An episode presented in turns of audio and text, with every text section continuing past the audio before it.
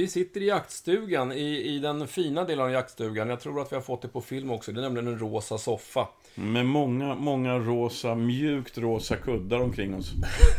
Eh, Ska vi, ska vi verkligen lägga ut den här filmen? jag vet inte. Nej, men det, jag tycker att man, jag sitter bra här och eh, det skär sig lite mot eh, resten av, i alla fall min uppenbarelse. Vi be- bejakar vår kvinnliga sida helt enkelt. I mitt knä har jag dessutom, ifall jag låter lite ofokuserad, en drygt åtta veckors eh, vaktelvalp som inte riktigt förstått det här med radio, men vi gör så gott vi kan. Det finns ju en pausknapp.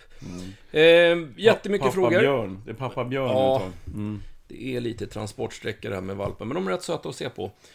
Vi ska försöka hålla, vi säger det varje gång att vi ska hålla svaren korta för vi har så mycket frågor, men vi gör vad vi kan. Vi är inte så bra på det. Vi börjar på en gång och då har vi en gråvaktel. Två år gammal, supertrevlig familjehund men är förarvek och saknar jaktlust. Och det här är Mattias som har skrivit. De, hon har jättedåligt sök, hon är livrädd för grisdoft, så nu har de tänkt sig att de ska skaffa en hund till.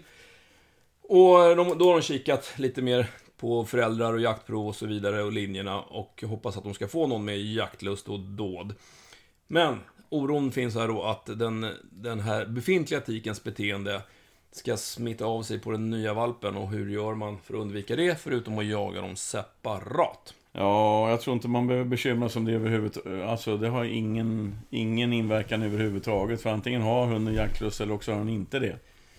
Så det tror jag inte eh, han behöver bekymra sig om. Utan eh, jaga på bara. Alltså jaktlust är ju en av de saker som är väldigt svåra att påverka genom träning. Ja. Alltså det, det är någonting som man föds med. Eller inte föds med. Ehm, Däremot kan man påverka saker som sök och drevtider och ståndtider och förföljande tider och liksom spårnoggrannhet och tapp, klara tapper. Och, mm, där kan man hålla på och pilla jättemycket men, men finns det ingen jaktlust så tror jag att det är svårt att, att öka den eh, faktiskt. Så att eh, inga problem, det är bara otur he- helt enkelt. Men, men sen det där med och kolla, ska han skaffa en gråvaktel igen eller? Ja, det, är, det, jag tror inte det, och jag säger tror därför att det står att det är kollat på föräldrarnas jaktprov, eller prov och linjer. Det där är, Ehm, det där är en så åtta och en låter halv den- veckors vaktel. Försök få ordning på din hund här. Ja, nu tystnar hon. Så. Ehm, så jag tror, det- låter ju inte som en, en blandras om man har kollat på prov och linjer, det vet jag inte. Men den är, den ska veta att den är två år, så jag skulle nog inte ge upp, upp hoppet om den heller. Är den två år bara? Ja, Ja, Okej, okej. Ja, nej men... eh, Då, då blir rådet så här då. Släpp kraven på den här tvååriga vakten, eller gråvakten som inte eh, har någon jaktlust. Släpp kraven på den helt och hållet. Låt den vara med och hitta, hitta sin egen kraft. För två år alltså, det är, då är hunden inte färdig i huvudet. Eh, ännu. Eh, men, men tipset blir att titta inte på hunden som om den inte hade jaktlust. Utan låt den vara, jag vet inte, någon form av uppfostringsgrej är, är på gång här nu. Eh, har vi något tuggben eller något? Det här är ju hopplöst. Nu börjar hundjäveln bita i rosa soffan också här. Och gillar inte den heller. Eh, nej men alltså, backa bandet. Förlåt att vi rör till det här alltså. Men, men två år gammal, inte helt mogen. Ehm, skaffa en, en ny hund, absolut. Men ge den här fortsatta chanser. Ehm, sen att den inte, om den ryggar för vildsvinsvittring till exempel. ehm, ja, men jaga något annat då. Alltså det finns ju annat vilt i skogen. Det är sånt jävla fokus på vildsvin ständigt. Men, men... säga. Ja, men eh, alltså... ja, men alltså... eh, Det finns ju massor med andra eh, vilt i skogen som vill jaga. Och det står ingenting om hur hon är liksom... Eh, driver hon överhuvudtaget eller? Nej, det står att hon är, är väldigt kort. Ja. Men alltså be, bejaka det hon gör och så får vi se om polletten trillar ner. Så ge inte upp än. Två år är för ungt för att ge upp på. Har du tur så har du inom några år två stycken väl fungerande hundar i skogen som jagar både vildsvin och annat. Okej, då går vi till Jonas. Nu är det björnsvar va? Ja, nu, nu har vi... Eller vi tar, ska vi ta det här led... Ja, vi tar ledproblemet först. Vi backar bandet. Och sen så har vi en liten fråga om eventuella ledproblem. Eh, och det är Simon som har en gråhund som... Det står ingen ålder på den, det står bara att den har, han har sett tendenser på att gråhunden ligger med raka ben. Och då antar jag, jo just det, för att vi fick en bild här från Simon också. Det är den här klassiska som man ofta ser på unghundar, de ligger väldigt bekvämt utsträckta med båda bakbenen sträckta rakt bakåt. Och då funderar Simon på, kan det här tyda på ett ledproblem eller något positivt? Och det här är helt ovetenskapligt, men vi brukar inom veterinärvärlden säga att eh, om en hund beter sig så, då har den definitivt inga problem med höfterna. Nej, det kan jag säga. Så är det. För att den rörelsen, när vi ska provocera fram en höftledssmärta, då gör vi just sådär att vi tar bakbenen och sträcker dem precis rakt bakåt och då brukar hunden reagera om den har ont. Så att eh, se det positivt Simon, det där lär inte vara några större problem med de där höfterna. Då hoppar vi tillbaks till Jonas och eh, då har vi en, en hund som är aningen för hård i skallet och det här är en 22 månaders Kopov-tik. Som, eh, ja, hård i skallet innebär här då att, att den, den släpper inte skall när den driver. Den skäller när grisarna står, men inte utom synhåll eller under förföljandet. Och det är likadant om hon tar upp en hare. Har ni något tips att praktisera eller är det troligen bara Men det, där, mognad? det där låter ju som att eh, den här kop, unga Kopoven skäller när Kopoven ser viltet. Ja, antagligen. så tolkar jag det. Men då tycker jag att den här hundägaren ska vara helt lugn. För en Kopov som är 22 månader är långt ifrån mogen i huvudet. Eh, Packhundarna har en tendens att mogna väldigt sent. De blir vuxna sent. Och det som händer här tror jag, det är att när viltet står stilla, eh, då- då öser den här Kopoven skall. Allt är lugnt, pusselbitarna är på plats, men så fort viltet drar och Kopoven inte längre ser viltet, då måste Kopoven fokusera på att hänga på i en löpa. Den börjar jobba med näsan på ett annat sätt och då går all mental kraft till att följa slaget, jobba med förföljandet. Och då tappar den skallet. Just den pusselbiten ramlar loss av sig själv.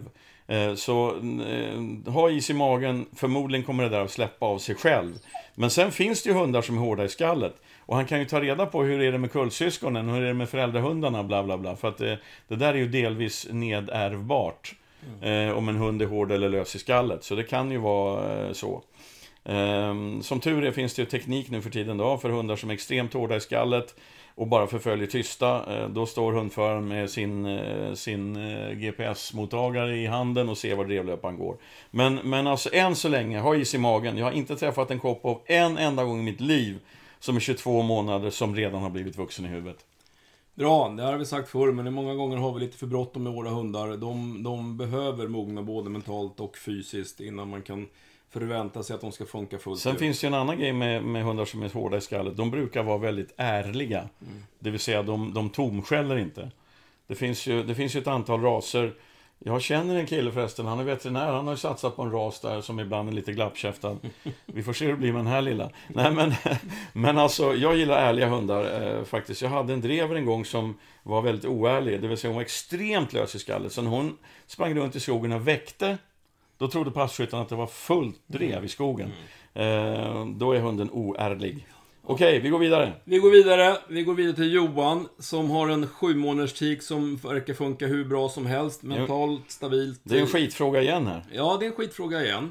Eh, det verkar vara en, en väldigt frisk och pigg och s- mentalt stabil hund, men hon har eh, konstant lös mage. Det kan börja med som normal skit och sen så blir det lösare efterhand och eh, till slut är det ren diarré. Och eh, sen har Johan skrivit vad hon käkar, 3 deciliter morgon, 3 deciliter kväll av ett visst eh, fabrikat då. Eh, och eh, många säger att det är stressmage, men eftersom husse absolut inte upplever att hon är stressad så går han inte riktigt med på det här. Och då undrar han om veterinären, det är väl jag det då, som kan ha någon idé.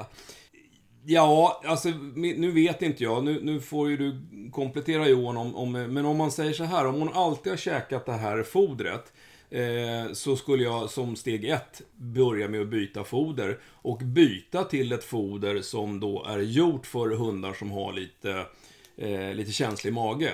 Det kan vara, även om det är lite tidigt, hon kan ha en allergi mot något av de ämnen som finns i just det där fodret. Och eh, det kan också vara så att ja, men hon är sju månader, det står inte vad det är för ras, men, men eh, jo, det står det visst, det står i rubriken jämthundstik.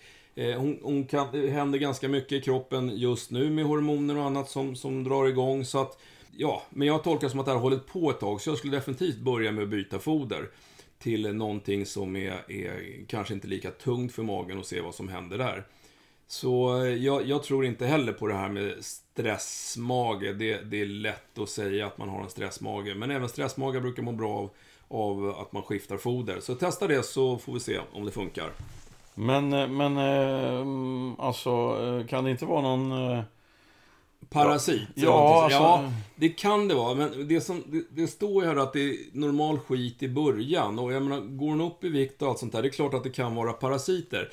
Och det finns ju, det kan man ju till och med köpa själv med sån här kolla masken på hund och se om man hittar de vanligaste parasiterna. Sen finns det några små coccidier, alltså ännu mindre parasiter som inte är maskar. De måste man ge skiten till en veterinär som... som... Men vad då? Ko- Alltså kolla masken, vad fan... eh, Jo, men det finns ett kit som först kom på hästsidan faktiskt. Där man helt enkelt själv kan eh, ta träckprov, avföringsprov och eh, se om de har eh, parasit, maskägg Man i... dissekerar hundens bajs. Ja, det är en mysig uppgift. Det känns... Börja med att byta foder. Ja, jag skulle göra det. Och då skulle jag säga så här. Gå till eh, någon, någon veterinär eller, och fråga dem vad de tycker ska vara för foder. För att eh, det bör nog vara ett sånt här så kallat veterinärmedicinskt foder som verkligen är konstruerat på det sättet att det är snällt mot magen. Och, eh, jag vet inte, det kanske finns idag på, på de här välsorterade djuraffärerna, det vet jag inte. Men eh, testa det. Jag skulle tro att det hjälper faktiskt. Annars, hör av dig igen. Japp. Då kommer vi till ett litet jobbigare problem. Och det är faktiskt eh, Marcus som har skrivit till oss förut. Han hade en östlaika som löpte så olägligt så det hamnade alltid precis i början på jaktsäsong. Och undrade om man kunde flytta på löpet, vilket inte är så himla lätt att göra. Utan då, tog jag upp mitt vanliga svar att man kan överväga att kastrera. Det kommer Marcus göra. Men han har fått ett problem till. De har också en schäfertik som är jämngammal med lajkan. Det skiljer bara ett halvår mellan dem. Och de har eh, vuxit ihop, men, men eh, nu har de inte bara vuxit ihop, nu har de rykt ihop också. Och eh, det resulterade i några stygn på chefen. Och efter det så verkar inte de här två funka ihop. Alltså, de har försökt släppa ihop dem med munkorgar på, men, men det, de försöker slåss helt enkelt. Hur gamla är de? Det borde vi faktiskt komma ihåg. Eh, Lajkan, jag tror att hon var relativt ung. Eh, då får vi bläddra gamla på. Jag tror inte att det här är några gamla hundar. Jag, tror, jag har för mig att hon var två, tre år eller någonting sånt där. Det står inte i det här mejlet nämligen. Men sa du att han har bestämt sig för att kastrera Lajkan? Ja. Så Och det... av av det skäl som du sa förra gången och inte för att de slåss, eller? Exakt. Ja, då kan man ju börja med att säga att jag tror inte att en kastrering kommer lösa det där problemet. Nej, det tror inte jag heller. Eh, faktiskt. Eh, man ska nog vara lite... Eller jag skulle nog vara lite försiktig alltså. För att eh, en kastrering innebär ju att den hund som blir kastrerad, eh, om man ska hårdra det här, den luktar inte hund längre. Nej. Eh, och det kan ju ställa till det, för då kan ju chefen trycka på och fråga vad fan, vad är du för något nu? Och då kan Lajkan, som är en, egentligen en snabbare hund i huvudet än vad chefen är, alltså ha närmare till skärpan sådär. Eh, bli förbannade. Men, men alltså, eh, jag, ska, jag kan absolut försöka svara på den här frågan så gott jag kan, men faktum är att jag undviker att svara på den här typen av frågor när jag inte har träffat hundarna. För att det, det, det blir generella schablonsvar alltså som kanske inte alls passar i just den hundfamiljen. Men, men om jag ska säga någonting så är det det här. Att alltså, låt de här två vara tillsammans när ni har 100% i kontroll. Att man måste jobba liksom själv och tala om att ni får inte slåss. Och i början innebär det då att, man, att hundarna får närma sig varandra försiktigt i koppel helt enkelt. Alltså man måste ha kontroll.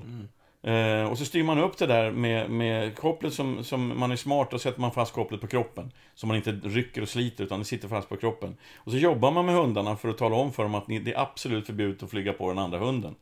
Eh, det- kan hjälpa alltså, men, men då gäller det att hundägaren, eller ägaren, ägarna, det är två ju, eller hur?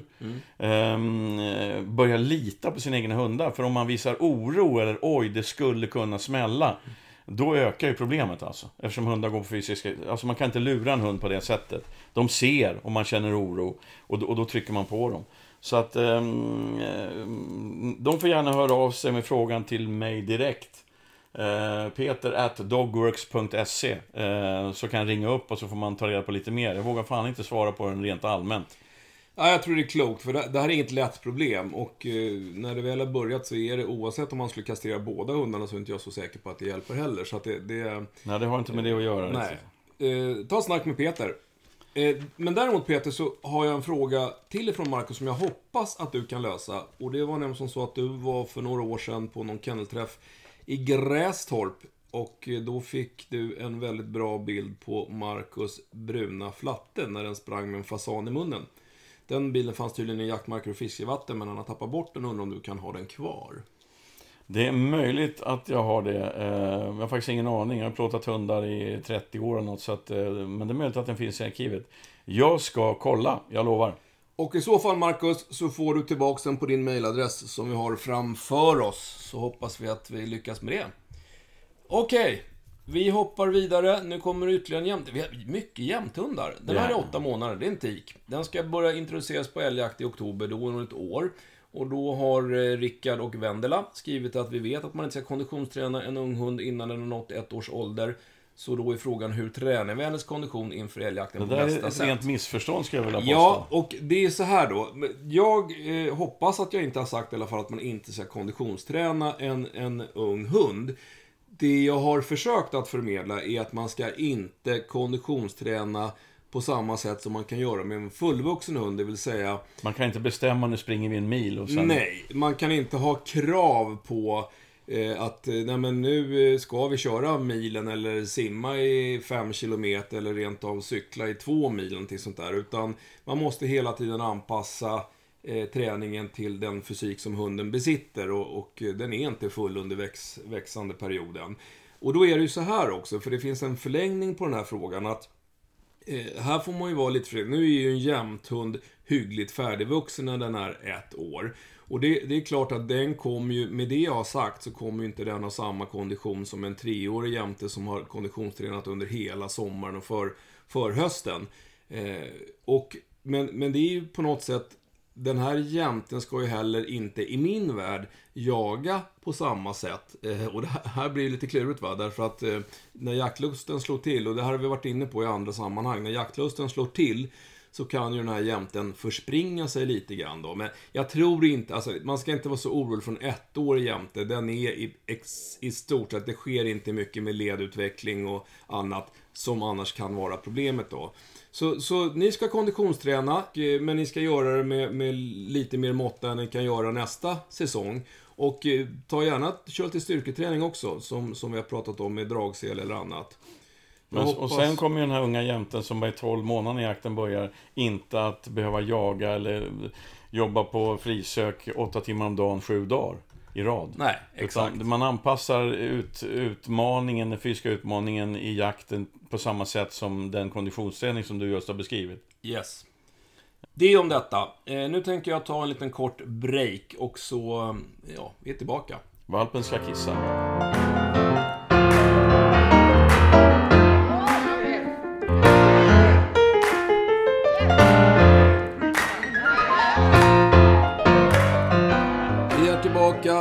Och börjar med en, ja, inte jämte renrasig, men en halvjämte. Jämte och östlajka. En blandras alltså, som eh, Matte i det här fallet skriver, Angelica, eh, Matte, Angelica skriver att eh, den här jämte östlajkan, den är drygt två år gammal vid det här laget och eh, jagar älg och gris. Den är lite problematisk så tillvida att eh, den eh, är inte helt stabil mentalt. Den gillar inte folk, den är nyfiken och ska fram och hälsa på folk men, eh, men sen kan det gå över till att den morrar eller eh, När folk reser uppmärksammar och ragg. tittar på Ja, den. precis. När någon tittar på den eller försöker klappa så kan den eh, morra och resa ragg. Den har också problem med andra hundar, den gör utfall. Och, eh, den kan göra utfall mot folk som går förbi eller hundar som går förbi utanför häcken 20 meter bort trots att han sitter i lina. Den har till och med visat tendenser på att morra och eh, bete sig på det här sättet när den äldsta sonen i familjen har klappat eller ibland bara tittat på honom. Och tydligen så skriver Matte här också att det finns eh, flera i den här kullen som har visat samma, samma beteenden. Ja, det är ju inte ovanligt i och för sig. Nej, och där, vi hade en fråga i förra avsnittet tror jag det var om en som hade en osäker om det inte var en ADB som hade funderat på avel och då sa vi att det, det är inte... Det här är ett ganska tydligt exempel på att det här med, med ja, beteende eller snarare mental status är ju faktiskt delvis genetiskt betingat. Så att... Eh, ja, Peter, den, den här får väl du nästan ta dig an. Det är ingen lätt fråga. Nej, men alltså det är lite samma som jag sa förut. Det är svårt att vara väldigt tydlig i råden om man inte har sett hunden. Men generellt är det ju så att den hund som hon beskriver behöver ju trygghet. Den behöver skydd helt enkelt. Eh, Så att det är bara att gå in framför, vända rumpan åt hunden och gå in framför hunden i alla möjliga lägen. Men försöka göra det i tid. Och inte utsätta hunden för allt det här då. Och sen träna i andra änden när det handlar om att bygga hundens självkänsla och allt det där. Den ska klara uppgifter som den inte tror att den klarar av och du vet, allt det där. Det har vi pratat om tidigare. Men, men, eh, men det är svårt alltså, det är jättesvårt. Framförallt om det är så att, att man börjar känna att hunden är lite besvärlig i de här lägena. För då skickar man ju jävligt tydliga signaler till hunden att hunden är besvärlig. Och man, man liksom ser mötet komma och tänker man, jaha, nu blir det strul igen. Det läser ju en osäker hund av direkt och då blir ju problemet värre. Så att, eh, alltså hund, man styr ju hundar med sin kropp skulle jag vilja påstå. Eh, I alla fall eh, den här typen av hund. Så att eh, försök att läs situationer innan situationerna inträffar. Gå in framför hunden, se till att ha hunden bakom er, var emellan den här hunden och det som hunden upplever som hotfullt. Och säg åt den här äldsta grabben i familjen att han totalt ska skita i hunden. Alltså han ska inte hålla på. Det går liksom inte att resonera med en hund och säga Ja men jag är ju snäll, varför är du så här mot mig? Utan då blir man lite hård i blicken och spänd i kroppen och säger Varför gör du så där? Och då blir, man, och då blir problemet värre.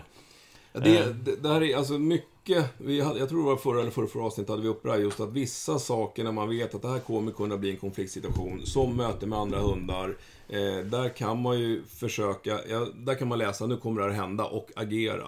Sen är det ju, tycker jag personligen, väldigt tråkigt när man får den här typen av eh, markering från hunden mot familjemedlemmar som, som ändå ska liksom tvingas på något sätt leva i samma hus. Då. Ja, ja. Och, och, och, och det är ju sannolikt som så. Jag skulle i alla fall, om det kom en, en eh, östlaika jämtekorsning och morgon reste ragg mot mig, så skulle jag också...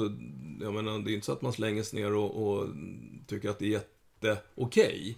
Och, och, och sannolikt så, så, så känner ju hunden av där också. Så det, är, det, är nästan, alltså det blir en väldigt svår situation att lösa.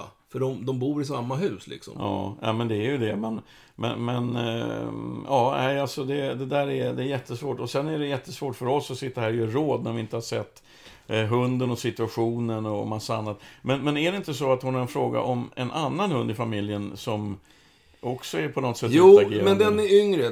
Vi går vidare i mejlet då, för att den här är svår. Och jag vet inte om jag, om jag kan säga det, men, men gör som vi sa till den förra. Mejla Peter och ta en diskussion på telefon. Kanske går det att eh, vaska fram lite mer i ett längre samtal, jag vet inte. Men det här är inga lätta grejer. Eh, för nästa hund är kanske inte lika hopplöst fall, höll jag på att säga. Men, men eh, för det är en, en eh, ja, kan det bli då, 7-8 månader, en gråhundsvalp, eh, får man väl säga fortfarande. Som också har ja, en del olater för sig med eh, skäller och drar mot hundar och eh, skäller i hundgården. De har provat med vattensprutor och annat och det funkar ju temporärt. Men undrar vad händer när vi inte är hemma? Står de och skäller i hundgården då? Så att, eh, ja, om vi tar det här med hundgårdsskällandet Peter, för det, det har vi berört vid ett annat tillfälle vet jag. Ja, äh, det är ju jättesvårt alltså. Det är otroligt svårt, men, men eh, eh, man måste ju lägga väldigt mycket tid och kraft och så måste man agera i tid. Alltså vatten i vattenspruta är ju skitbra, men, men eh, då får ju hunden inte vara ensam i hundgården under tiden som man vänjer den vid att inte få skälla i hundgården. Man kan inte köra vattenspruta, hunden funkar jättebra, sen sätter man sig i bilen och åker därifrån och hunden står och skäller oavbrutet i sex timmar. Nej. Utan eh, den får helt enkelt inte vara i hundgården förrän man har fått ordning på det där. Sen finns det, jag har kompisar som har försökt alla möjliga metoder. De har sådana sprinklersystem med, med en ljudsensor eh, som vräker vatten över hundgården eh, så fort det kommer ett skarpt ljud och, och sådana där grejer. Jag vet inte om det funkar, det finns alla möjliga varianter. Och, men jag tror att hon var inne på att man ska skärma av också va? Ja, eh, hundgården. Och eh, eh, det vet jag också folk som har försökt, men eh, tro mig, en gråhund har tre sinnen. Synen, hörseln och luktsinnet. Och synen är sämst. Mm. Så att eh, det kommer bli precis lika mycket skällande. den bara vet hunden... garanterat när det går någon 30 meter Ja därifrån. visst, ja, att visst. Det, så, det, så att det där inte kommer inte funka. Men alltså ide, idén är alltså då, eh, om man nu ska träna som jag tycker man ska göra, det vill säga ett slags typ av habitueringsträning, alltså vaneträning. Man skäller inte i hundgården. Så då, då tränar man det med vattensprutan korrigerar direkt så fort de, den första skallet, då får den en dusch, den blir tyst. Eh, man berömmer den och sen så håller man på sådär. Och sen så när man har tränat fem minuter, då tar man ut den ur hundgården. Man tar med sig till jobbet eller vad man nu ska göra. Och sen så tränar man successivt alltså. Eh, och lämnar, kan lämna den 2 meter, 5 meter, 10 meter, 15 meter, 20 meter och den skäller inte i hundgården. Ja men då kan man ju prova att lämna den då. Eh, sen är nästa grej då. Nästa grej. Sju månader sa du? Ja. Den är väldigt omogen. Det är en Ja. ren valp. Jag tycker man ska vara lite försiktig med att lämna en sju månaders gråhund ensam i en hundgård hela dagarna. Ehm, Den kommer skaffa sig massor med olater på olika sätt som sen blir en vana. Nu åker husse till jobbet, nu ska jag skälla. Eller hur man, hur man nu ska uttrycka det. Ehm, Men, men det kan ju vara så att de måste ha honom i hundgården. Att, att det är liksom det som är grejen. Eh, och och då, det är svårt att lösa, men träna stegvis. Jag tror inte det finns någon, någon annan väg att gå. Nej, och det var väl min, min första reflektion utan att vara hundtränare. Att, att eh, alltså, sju månader eller vad det nu kan vara, när man född oktober 19, alltså, det, mm, ja, sju, åtta månader. Eh, man får nog ta det väldigt pö om pö. Han är inte mentalt mogen att stå i en hundgård uppenbarligen. Nej. Och det får man acceptera. Nej, och sen kan man ju träna in ett bromskommando liksom. Om, man- om man befäster till exempel kommandot nej. Nu biter din valp på mina trasiga jaktbrallor. Ja, Det där får den göra. Det är värre om den biter på möblemanget. Ja, det gör den nu. Det är bambumöbler här. Herregud.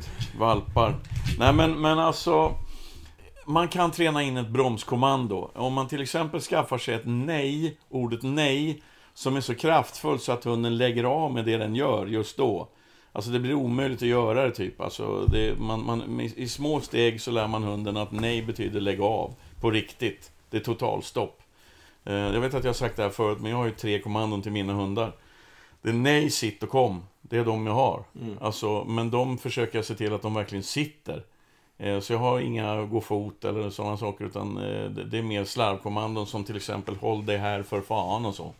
Men de här tre kommandona, nej, sitt och bra, de, de måste funka. Och observera följden, nej, sitt bra. Ja. För har du inte nej, då kommer du aldrig kunna ha en vettig inkallning på en jaktmaskin. Utan först måste man få stopp på hunden, sen kallar man på den. Eh, så jobba in ett nej, det är bra på massa olika sätt. Då kanske det här nejet funkar för att få styrning på skällandet i hundgården. Vi släpper den nu. Jag ska svara på en fråga till ifrån dem, och det, för den var riktad nämligen ordagrant till veterinären. Och det här tror jag rör jämten östlajkan, som eh, var släppt i ett vildsvinshägn nyligen. Alltid haft ett bra och rejält skall, men nu var det bara vid första skallen som var bra, sen blev han hes och gäll. Bör man vara orolig och söka för det? Nej, jag skulle inte vara orolig att söka för det om det har hänt vid ett tillfälle. Det kan ha varit någon tillfälle, halsinfektion eller vad sjutton som helst. Eller mår den bra så låt det gå några veckor och testa igen. Händer samma sak en gång till, ja då kanske man ska söka. Men jag menar, alla har sämre dagar, det kan vara lite skrovligt i halsen och det kan ha varit någonting. Det kan ha varit en inflammation, men den läker normalt sett av om inte hunden skäller frenetiskt däremellan. Så att eh, testa igen så får vi se om det inte har gett med sig.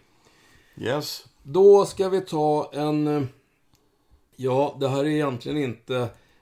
Det är lite småfrågor om en Nobs, en Norrbottenspets, tre år, som eh, har haft lite problem och tappat spår, betett sig konstigt, jagat dåligt, har haft lite dropp i nosen som den är behandlad för och så vidare.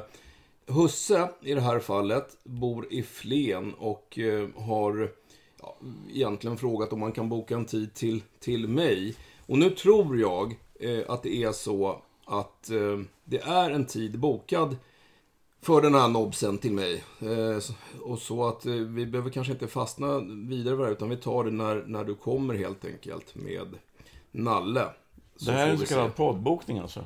Ja, det verkar ju funka. Ja, men du får passa dig nu. Ja, nej. Och jag, jag måste ärligt namn säga att, att eh, det kan mycket väl vara så att jag har väl en hygglig koll på det här i ett första läge. Om, det, om man märker att det är någonting som faktiskt är ett sjukdomstillstånd av någon djupare medicinsk karaktär. Då har jag kollegor som kan det här ännu bättre. Så att, men, men visst, du är jättevälkommen.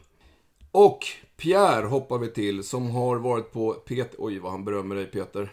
Oj då. Eh, Pierre tycker inte att han behöver gå på så mycket mer kurser nu, för nu har han varit på Peters kurs. Eh, det är trevligt. Tack Pierre, bussigt. Eh, men vad Pierre egentligen vill eh, är att han har kikat lite grann på det här med ID-träning för jakt. Och då undrar han om jag eller Peter har pysslat med det här med ID-träning. Och jag kan svara för mig själv först då. Jag har aldrig... Jag har läst om det och jag har varit lite sugen på att testa. Alltså ID-träning är ju i princip att man, man präglar hunden på en väldigt specifik vittring. Jag tror man, jag läste om det där, man, man liksom lägger lite snittår från, från eh, viltslag i, i burkar och när den nosar på fel burk så att säga, så, så säger man ingenting och när den nosar på rätt burk så så får den mycket beröm och sen kan man utveckla det hur långt som helst. Jag tycker det låter jättespännande. Jag är övertygad om att det fungerar om man, om man jobbar på det sättet, men jag har ingen egen erfarenhet. Jag har gjort det förr i tiden. Eh, men, och det funkar ju alltså. alltså. Och det är aldrig fel att aktivera en hund på det sättet. Det är inte alls fel. Ehm, man kan ju mm, göra det på, på så att säga, direkt i skogen om man vill på olika sätt. Men det är absolut värt det. Är han tänd på det så kör. Det är aldrig fel. Bra. Och eh, ja, vi kör vidare. Vi, vi tar ett lite längre avsnitt idag också eftersom vi ligger på sidan 6 av 14 frågesidor. Okay. ja. Och då har vi en eh, Eh, Emil som har, han, han frågade tidigare om Basset Hound som vi tyvärr inte hade någon sån här jättebra svar på eftersom vi inte har sett några väljagande Basset Hounds de sista åren. Men eh, nu, han, ja, så han kanske kör på en Artesien eller en Griffon istället. Han har läst eh, Peters böcker och, och tycker de är fantastiska. Jag tycker också de är bra för övrigt. Men frågan den här gången är en 11 veckors flat-coated valp. Som, eh, ja, de, där de bor så har de en, en park med väldigt mycket gräsänder. Och då undrar Emil här, kan det bli ett problem när man så småningom ska börja tränas med dummies eh, om han då har presenterats för alla de här stadsänderna innan dess? Han, han eh, ja, det, det är en bekväm, ligger nära till att gå till den här parken och man kan... Eh, Men vad skulle det vara problem? Vad är det som skulle kunna vara problem? Alltså att han, han ska ju inte jaga änderna i parken, eh, men han kommer ju presenteras för dem ständigt. Och mm. säkert få lite aj och nej om man ger sig efter ändarna i parken. För jag antar att resterande delen av, av park, parkbesökarna inte uppskattar det. Ja, nej, men det är helt lugnt. Alltså är det en rätt avlad retriever så behöver jag inte bekymra sig om det där. Eh, det är lite samma sak som katterna hemma, de eh, rör inte mina hundar. Men eh, springer de på en katt i skogen eller någon annanstans så, så kan det bli bekymmer. Ja. Samma sak liksom. Ja. Eh, här jagar vi och här jagar vi inte. Det är, det är lugnt alltså. Men, men det är klart att det är ju... Eh, eh, man, kan ju man kan ju korrigera en, en, en ung flätt på olika sätt. Eh, och styra upp det där lite vänligt liksom. Det behöver inte vara eh, överdrivna superfysiska korrigeringar utan det är bara att styra upp. Alltså strunta i det där nu, peta till hunden och gå bara. Det där bryr vi oss inte om. Eh, och det har absolut ingenting att göra med retrieverns medföljda vilja att bära. För en apportör, allt en apportör gör bygger på förälskelsen i att bära omkring med någonting i munnen. Och det har ingenting att göra med att han ser tama änder i en stadspark. Nej. Och eh, det där, alltså, hundar är ju, de läser miljön, eh, de läser situationen och de anpassar snabbt efter det. Vi ska se nu om det där funkar förresten, för att nu har jag den här lilla valpen har vi här inne i jaktstugan. Mina andra två hundar är ute lösa. Och allt enligt eh, teorin från Peter Ekelund, han sa att nej, men de drar ingenstans när, eh, när, när du inte ska jaga med dem. Så att vi får väl se om de är kvar på gräsmattan. Ja, För det är ett bra bevis i sådana fall på att det här funkar. Alltså, men det är skillnad mellan mina hundar och dina hundar. För mina har ju dragit. Ja, Det är ju jämthundar. Ja. Alltså det, det är en jävla skillnad. De är mer självständiga, så är det bara. Men nu skulle jag ju stärka upp din teori om att de lär sig att skilja på situationer. Ja, nej, det, jag tror att jag, du har daltat med dina jävla ja, hundar, det är därför. Det eh, bra. Vi ska ta en fråga till. Och det är nämligen som så, vi har ju berört det här med jakt, eller skyddsväst eller inte flera gånger. Nu är det en blandning här mellan gråhund och tysk terrier. Som eh, Husse undrar, Husse Johan eh, undrar om, om eh, ja, de håller på att leta efter ny väst helt enkelt. Och då har Husse Johan sett på Svevests hemsida att jag och Peter håller på att eh, designa en ny skyddsväst. Och, eh, ja, så han vill gärna ha lite info om det här.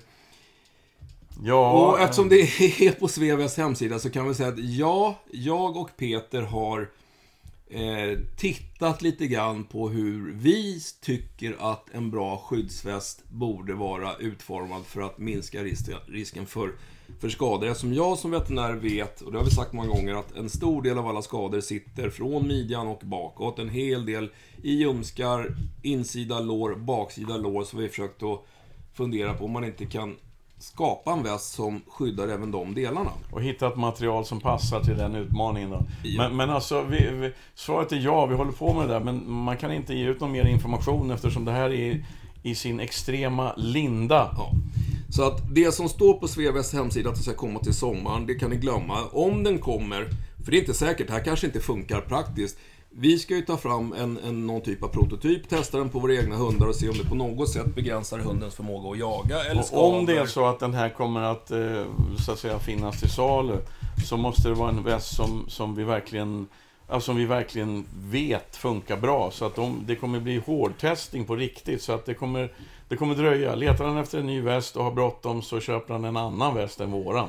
Det är en bra sammanfattning. För att, eh, ja, får vi se. Vi återkommer. Blir det en bra väst, då lovar vi att vi ska tala om det. För egna produkter har vi inga problem med att göra reklam för. Nej, nej om de är bra. om de är bra. Eh, vad säger du Peter? Ska vi ta en avslutande fråga? Eh, det kan vi göra. Sen, sen, är det, sen är det läge att ge sig ut alltså. För att eh, vildsvinen kommer rätt så tidigt. Igår så, så var de ute faktiskt i fullt solsken. Eh, så att, men visst, eh, har du någon till så kör vi. Då kör vi. Eh, Det är lite också en skitfråga. Men vi tar den i alla fall. Det här är en eh, kille som, som heter Erik. Han har haft, eh, ja, han har skaffat sin första egna spets, en karelare som nu är 14 månader. Han har haft eh, taxar hemma när han var liten. Men problemet med den här karelaren, och det är en tik, eh, är att hon gör bara ifrån sig under äppelträdet eller hundgården. Och han har försökt verkligen på, gå upp tidigt på morgonen, men hon håller sig, hon håller sig, hon håller sig. Och han har försökt på längre promenader och hon håller sig och hon håller sig. Hon måste till äppelträdet eller till hundgården. Och eh, han går på hundkurs med den här, så han åkte dit en timme tidigare för att försöka få henne att göra ifrån sig innan kursen, men det funkar inte där heller. Och då undrar han helt enkelt varför gör vissa hundar på det här sättet och finns det någon lösning på det? Eh, ja, jag har en eh, gråvaktel som inte kan bajsa så länge hon sitter fast i koppel. Eh, hon måste vara lös, så att eh, man får helt enkelt släppa henne och hoppas att det inte står något vildsvin i närheten. Men ja, alltså jag har inget bra svar på det här. Men bevisligen så kan ju hunden hålla sig tills den hamnar i sitt, under sitt kära äppelträd. Det är lite som den här korkeken. Eh, ja. Men, men, alltså, men alltså om han åker iväg och bor...